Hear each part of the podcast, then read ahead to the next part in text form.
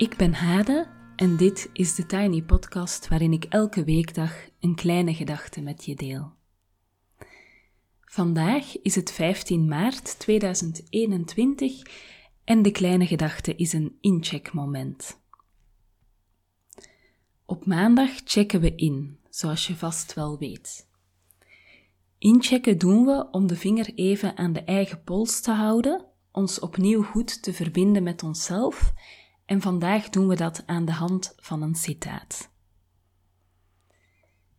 Ik ga dat dadelijk lezen en er iets over vertellen en dan ga ik een volle minuut zwijgen om je de tijd te geven erover na te denken voor jezelf.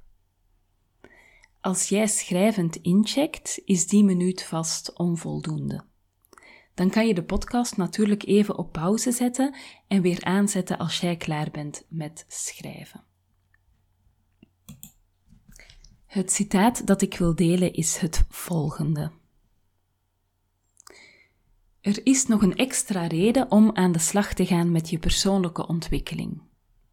Met persoonlijke ontwikkeling ruim je iets op bij jezelf, zodat de komende generaties dat niet meer hoeven te doen. Hoe meer je bij jezelf geestelijk opruimt, hoe minder je doorgeeft aan je kinderen. Ik sprak eerder over systemisch denken. Door een onbewuste loyaliteit aan familie en voorouders nemen we veel patronen, zelfs trauma's, over die wij onbewust herhalen in ons eigen leven. Door zelf inspanningen te doen, ruim je dingen op voor je nageslacht.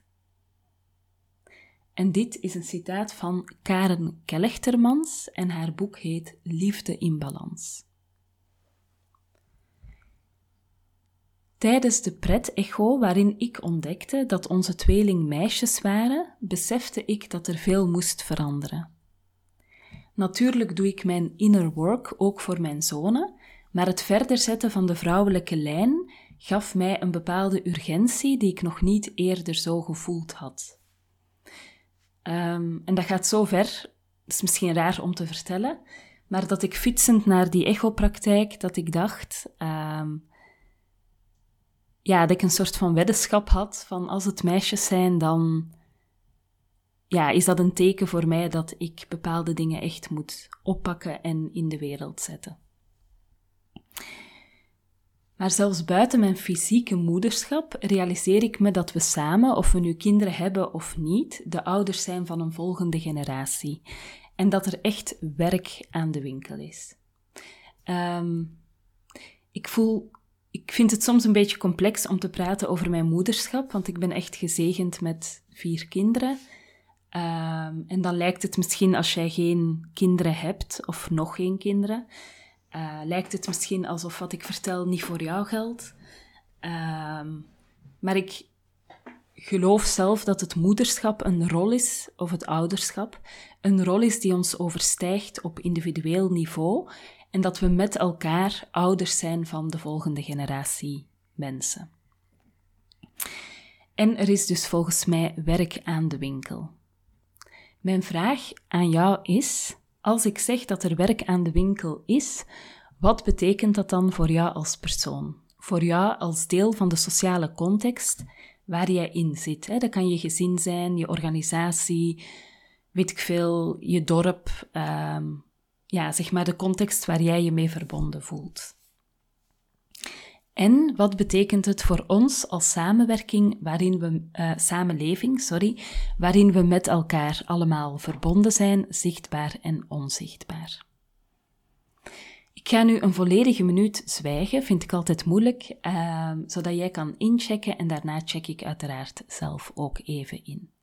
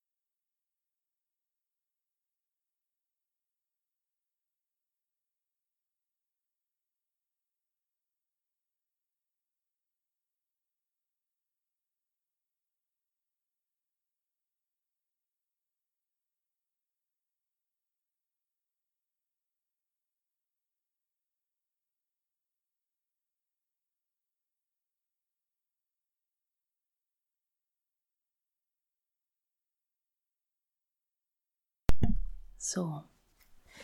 Mijn werk gaat volgens mij over het faciliteren van het werk dat er moet gebeuren. Um, en dat lijkt dan misschien alsof ik een heel concreet idee heb welk inner, innerlijk werk jij te doen hebt uh, als je een van mijn cursisten zou zijn. Maar dat is natuurlijk helemaal niet het geval. Um, ik heb wel een soort algemeen beeld bij wat het werk is wat moet gebeuren. Um, en ik denk eigenlijk dat elk individueel proces zich daartoe verhoudt. Maar dat jij natuurlijk Stel dat je bij mij in een cursus zit, dat jij natuurlijk je eigen weg uh, te gaan hebt, waar ik helemaal geen normatief idee over heb hoe dat die er dan uit zou moeten zien. Um, ik vind het complex om het grotere plaatje te beschrijven, maar ik ga wel een poging doen. Ik denk dat we in een wereld leven waarin een aantal waarden dominant aanwezig zijn. Bijvoorbeeld wat de context waarin we werken betreft, zie je een reeks van dominante waarden waar we ons weinig vragen bij stellen en waar we dus met z'n allen een beetje blind naar streven. Dingen moeten bijvoorbeeld snel, we willen snel succes, het moet meetbaar en controleerbaar zijn, we denken lineair, uh, we beargumenteren alles rationeel en we zwijgen over onze intuïtie. Um, dat zijn waarden die volgens mij in een professionele context voorop zijn gaan staan, en zeker in de westerse samenleving, en die zich dan hebben uitgebreid, niet alleen over de wereld, uh, omdat we die min of meer opgelegd hebben um, op andere plekken. En met we bedoel ik wij westerse mensen. Maar ik denk dat die waarden zich ook echt hebben uitgebreid naar onze persoonlijke levens. Um, en dat bijvoorbeeld de manier waarop we met vrije tijd omgaan, met persoonlijke ontwikkeling, met ja, ons gezin managen, dat dat allemaal heel erg beïnvloed is geraakt door deze idealen. En ik denk dat deze waarden op zich niet fout zijn, maar wel dat ze te veel nadruk hebben gekregen. Dus ook goede dingen die overbenadrukt worden of die uitvergroot worden, kunnen ja, nadelige effecten hebben en schadelijk worden. En ik denk dat er een soort van ontspoorde situatie is ontstaan met een driftig streven naar perfectie, efficiëntie, uh, met als gevolg het uitputten van mensen en natuur en bijvoorbeeld een soort escape-beweging richting self-care. Want als je het niet kan volhouden in deze snelle, veel eisende wereld, stellen we geen maatschappelijke vragen, maar dan heb je gewoon niet voldoende met een bruisbal in bad gezeten. Met andere woorden, je hebt onvoldoende aan self-care gedaan. Of nog erger, je hebt onvoldoende regie genomen. Of uh, ja, al dat soort gedachten uh, waarmee we eigenlijk de verantwoordelijkheid bij het individu leggen en de maatschappelijke vragen vermijden. Het werk dat mij te doen staat en dat ik doe via het aanbieden van cursussen rond persoonlijke ontwikkeling en via mijn werk als Deep Democracy Facilitator, is het aangaan van de echte complexiteit, het stellen van de vragen die gesteld moeten worden, het in vraag stellen, het stilvallen en het uitnodigen tot stilvallen, het verbinden met elkaar op authenticiteit, ehm, het anders leren omgaan met bijvoorbeeld besluitvorming en conflicten. Vandaag start ik met een groep vrouwen. Mannen zijn trouwens ook altijd welkom in mijn cursussen. Uh, aan een week lang Silent Mornings. Elke dag om zes uur zitten we met elkaar in een Zoom-meeting en starten we de dag samen met stilte. Ik begeleid en voed die stilte. En die stilte die is echt alles behalve comfortabel. Het is niet lekker zen, uh, lekker gezellig, stil. Uh, stilte is echt heel confronterend en kan heel hard zijn, maar het kan ook heel mooi en heel echt zijn en een vindplaats van wat er aandacht vraagt en wat er, uh, ja, wat je te doen staat eigenlijk.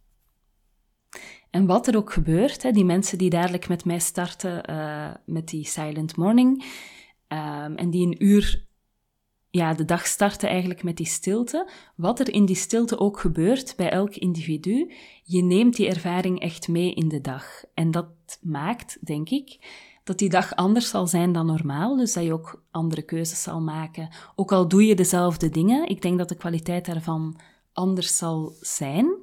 En ik hoop dat er op die manier een rimpeling in het water ontstaat die zich uitbreidt en uitbreidt en waarvan ik hoop dat het hele golven kunnen worden en dat er langzaamaan eigenlijk een soort verandering um, kan ontstaan in wat we met z'n allen belangrijk vinden, in hoe we met elkaar omgaan, um, in het werk dat we doen voor onszelf en voor de volgende generaties. En ik hoop daarbij dat we onderweg zijn naar een wereld waarin wakker wachten mag staan naast efficiëntie. Vertrouwen hand in hand met controle, intuïtie en rationaliteit beiden het woord mogen krijgen. Ik hoop dat we op weg zijn naar een wereld waarin we mogen voelen en kunnen meten. Mens en wereld niet langer uitgeput zullen zijn, maar binnen de grenzen van wat goed is, zullen mogen bestaan en samenleven. En het werk dat daarvoor moet gebeuren vraagt echt wel wat van ons. Het vraagt onder andere dat we oog in oog staan met de echte complexiteit van onszelf, het leven, deze tijden. Geen quick fix, geen vijf tips, geen stappenplannetjes. Het is niet eenvoudig en niet recht door zee. En daarom heb ik besloten, de laatste tijd heb ik daar veel over nagedacht, om mijn maandmail om te vormen. Het was sowieso al geen pep talk, maar ik heb besloten dat ik er echte real talk van ga maken, met elke keer drie dingen die ik je aanreik. Uh, bijvoorbeeld een artikel, een podcast, uh, weet ik veel wat. Nou ja, drie dingen zeg maar, die authentiek zijn en recht doen aan de complexiteit van onze realiteit en waarmee ik jou ook uitdaag om daarover na te denken en daarbij stil te staan. Dus verwacht in mijn maandmailtjes geen ehm, tips om je leven wat efficiënter te maken of wat simpeler, maar net ehm, dingen die je kunnen uitdagen om je te verhouden tot de complexiteit van de realiteit. En ik heb ook besloten dat ik mijn mails auditief ga maken. Je kan ze dus niet enkel lezen, maar in mijn mail gaat er ook aan het begin een linkje staan waarmee je kan kiezen uh, om mijn maandmail te beluisteren. Dat geeft je de kans om mijn mail tot je te nemen tijdens bijvoorbeeld een wandelingetje, tijdens het koken, als je de was opvouwt, als je aan het autorijden bent. Uh, die momenten uh, waarop je handen en je benen bijvoorbeeld wel in gebruik zijn, maar waarin je hoofd vrij is. Dus dat is mijn streven. Um, als je op mijn mailinglist wilt, mag je mij even een mailtje sturen en dan zet ik jou daar graag op. En dat mailtje mag naar thetinypodcast.gmail.com. En je vindt mijn, mijn e-mailadres ook in de show notes. En dat zijn dus de tekstjes die uh, bij deze aflevering staan in je podcast-app. Tot slot, uh, om de week goed te starten, heb ik nog een heel mooie wens voor Vrouwendag gekregen uh, van Merel Bayens en ik mag die delen met jullie. En door deze te delen is het mijn intentie om die echt even de wereld in te sturen en deze wens past voor mijn gevoel ook heel goed bij wat ik net vertelde. Merel schrijft dit. Wat wens ik mezelf toe? Dat ik me niet hoef te excuseren elke keer als ik iets wil verzoeken, een mening delen, iemand aanspreken, maar dat ik mezelf gewoon ruimte, hulp, gehoor toeken, omdat ik er mag zijn en mag denken, vragen en zeggen wat ik wil. Ook al kan dat mogelijk iemand kwetsen, vervelen of tegen de borst stoten. Dat probeer ik natuurlijk te vermijden, maar ik hoef me daarvoor niet al op voorhand te excuseren want ik mag er echt zijn en net als anderen ruimte innemen, fysiek, mentaal, sociaal. Wat wens ik anderen toe? Dat ze, dat ze inzicht verwerven in hun eigen functioneren en noden. Dat ze zichzelf verzorgen zoals ze degene verzorgen die hun het liefste is. Dat ze diversiteit, complexiteit en veelzijdigheid accepteren in een gesprek over mannen en vrouwen wil dat onder andere zeggen dat ze niet vastblijven in een stereotypische rol en dat ze die ook niet opleggen aan anderen. Voor zowel mannen als vrouwen wens ik dat zorgzaamheid, mildheid en de kunst om in verbinding te blijven, ondanks grote verschillen en grote maatschappelijke waardering krijgen. dat het samen bouwen aan een gemeenschappelijk project een belangrijker doel wordt dan persoonlijk succes en competitiviteit. Daar kunnen de archetypische kwaliteiten van vrouwen een sleutelrol in spelen, lijkt me. Tot daar wat Merel uh, schreef en het raakt mij opnieuw omdat ik echt, ja, omdat het heel erg resoneert met de boodschap die ik net ook probeerde te brengen. Uh, ja, en dat raakt mij natuurlijk wel heel erg. En waar ik ook aan denk als ik dit citaat van Merel uh, hoor, uh, is bijvoorbeeld het ruimte innemen zonder je te excuseren. Dat is iets wat ik bijvoorbeeld in de vrouwencirkels die ik aanbied, uh, maar ook in de clubjes die ik aanbied, eh, wat ik echt probeer. Ja, ik hoop echt dat die cirkels of die clubjes een oefenplek mogen zijn, een veilige plek om dat te oefenen, om met elkaar te oefenen om ruimte in te mogen nemen zonder je te excuseren, zonder je te veel te voelen, zonder te twijfelen of het wel interessant genoeg is voor anderen of, of anderen er wel op zitten te wachten. Ehm, en ik heb ook, en daar ben ik heel dankbaar om, ook echt mogen zien hoe helend dat dat kan zijn voor mensen die bijvoorbeeld zich niet, gevoel, niet gehoord hebben gevoeld of ehm, die in een context bijvoorbeeld zijn opgegroeid waarin zij het gevoel kregen dat ze te veel ruimte innamen. Voilà. Tot zover voor vandaag. Uh, het was misschien een beetje een zware tiny podcast. Um, maar ja, ik denk dat, dat het wel gewoon belangrijk is om sommige dingen te benoemen. Uh, en ik hoop dat het niet te vaag was, maar dat jullie wel kunnen aanvoelen waar ik het over had. Je kan me volgen op Instagram, TheTinyPodcast. Als je je abonneert in een podcast-app, dan um, krijg je telkens de nieuwste aflevering in je overzicht. En dan hoef je maar even iets aan te klikken en uh, te luisteren. Als je de podcast doorstuurt naar iemand die er ook graag naar luistert, dat zou ik echt heel erg waarderen. Dan help je me uh, om de podcast te laten groeien. Um, en ik vind het ook echt heel fijn, stel dat je geraakt bent door iets uh, uit deze podcast, dan vind ik het fijn als je even uh, deze podcast kan delen, ook op social media bijvoorbeeld. Want dan help je mij ook om de podcast te laten groeien. Ik wens je een heel fijne dag en heel veel goeds en alweer tot morgen.